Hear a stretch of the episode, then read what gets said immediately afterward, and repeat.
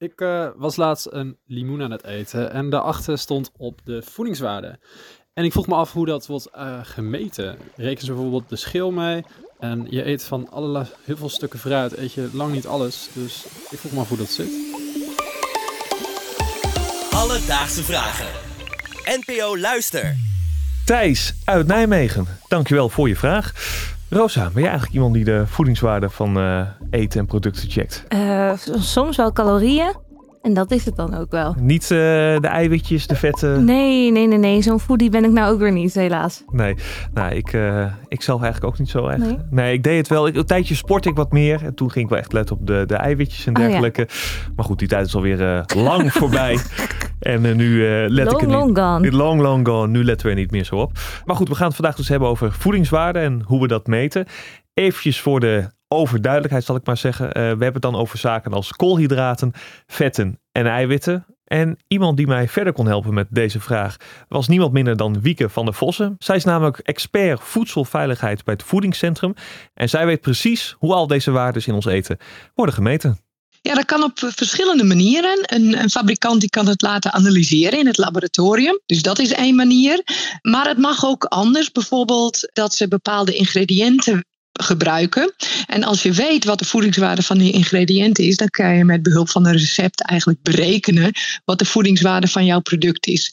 En een andere manier, en dat wordt wat meer gedaan voor wat nou, algemenere voedingsmiddelen mag je ook een, ja, soort uh, nationale voedingstabel gebruiken.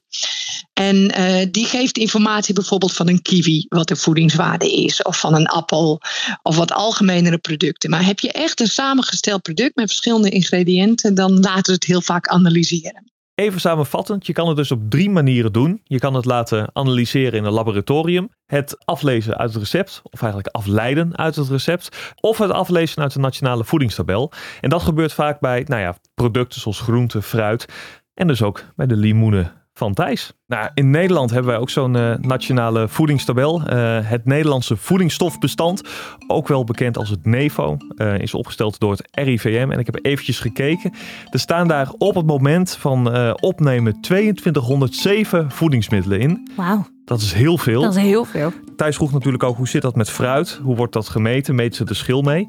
Ik heb eventjes gekeken. En als je op limoen zoekt, krijg je één resultaat. Oké. Okay. Maar als je bijvoorbeeld zoekt op appel, dan wordt een onderscheid gemaakt tussen appel zonder schil en appel met schil. En dan kunnen we dus aannemen dat fruit waarbij geen onderscheid wordt gemaakt tussen met schil of zonder schil, het NEVO er eigenlijk niet van uitgaat dat je het met een schil opeet. Want bij bananen staat er ook niet met schil en zonder schil, want ja, we eten niet de schil van de banaan op. Precies, maar hoe zit het dan met de kiwi? Want dat eten sommige mensen met en andere mensen zonder schil. Ja, maar als je met schil eet, dan ben je, dat is niet normaal hoor. Dan ben je niet goed.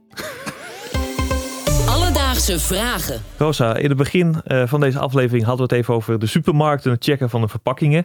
Nou ja, als je in de supermarkt komt, dan moet jou één ding vast niet uh, ontgaan zijn: de Nutri-scores. Klopt. Wat heb je daar een mening over? Ja. nou, je hebt natuurlijk de A, B, C, D, E. Ja. Uh, daar valt me heel veel op.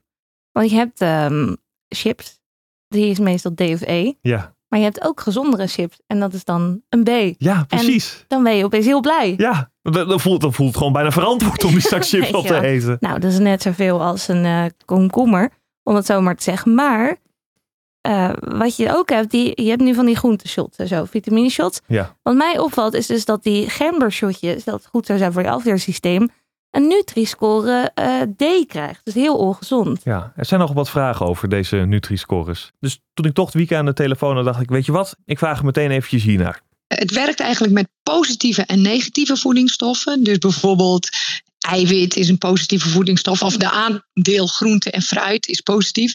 Maar bijvoorbeeld verzadigd vet, suiker of zout is negatief. En dan wegen ze dat tegen elkaar af en dan komt er een soort score uit. En A tot en met E. En A is een hele goede score en E is een, uh, een slechtere score, is de meest slechte score eigenlijk.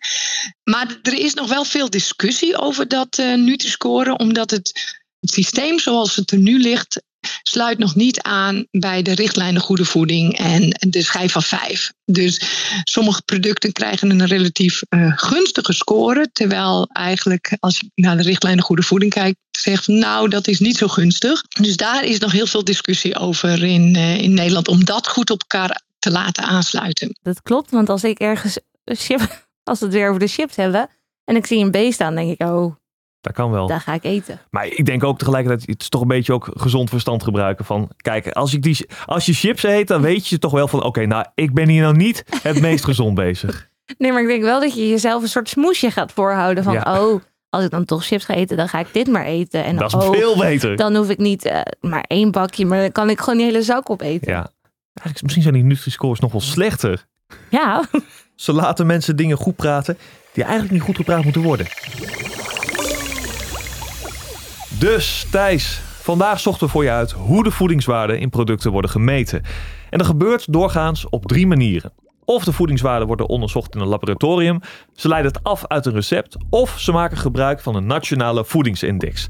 En dit laatste gebeurt vooral met producten als groente en fruit, en dus ook met jouw limoenen.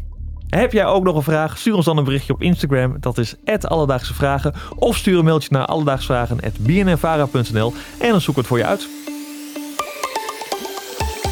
Alledaagse vragen. NPO Luister. BNN Vara.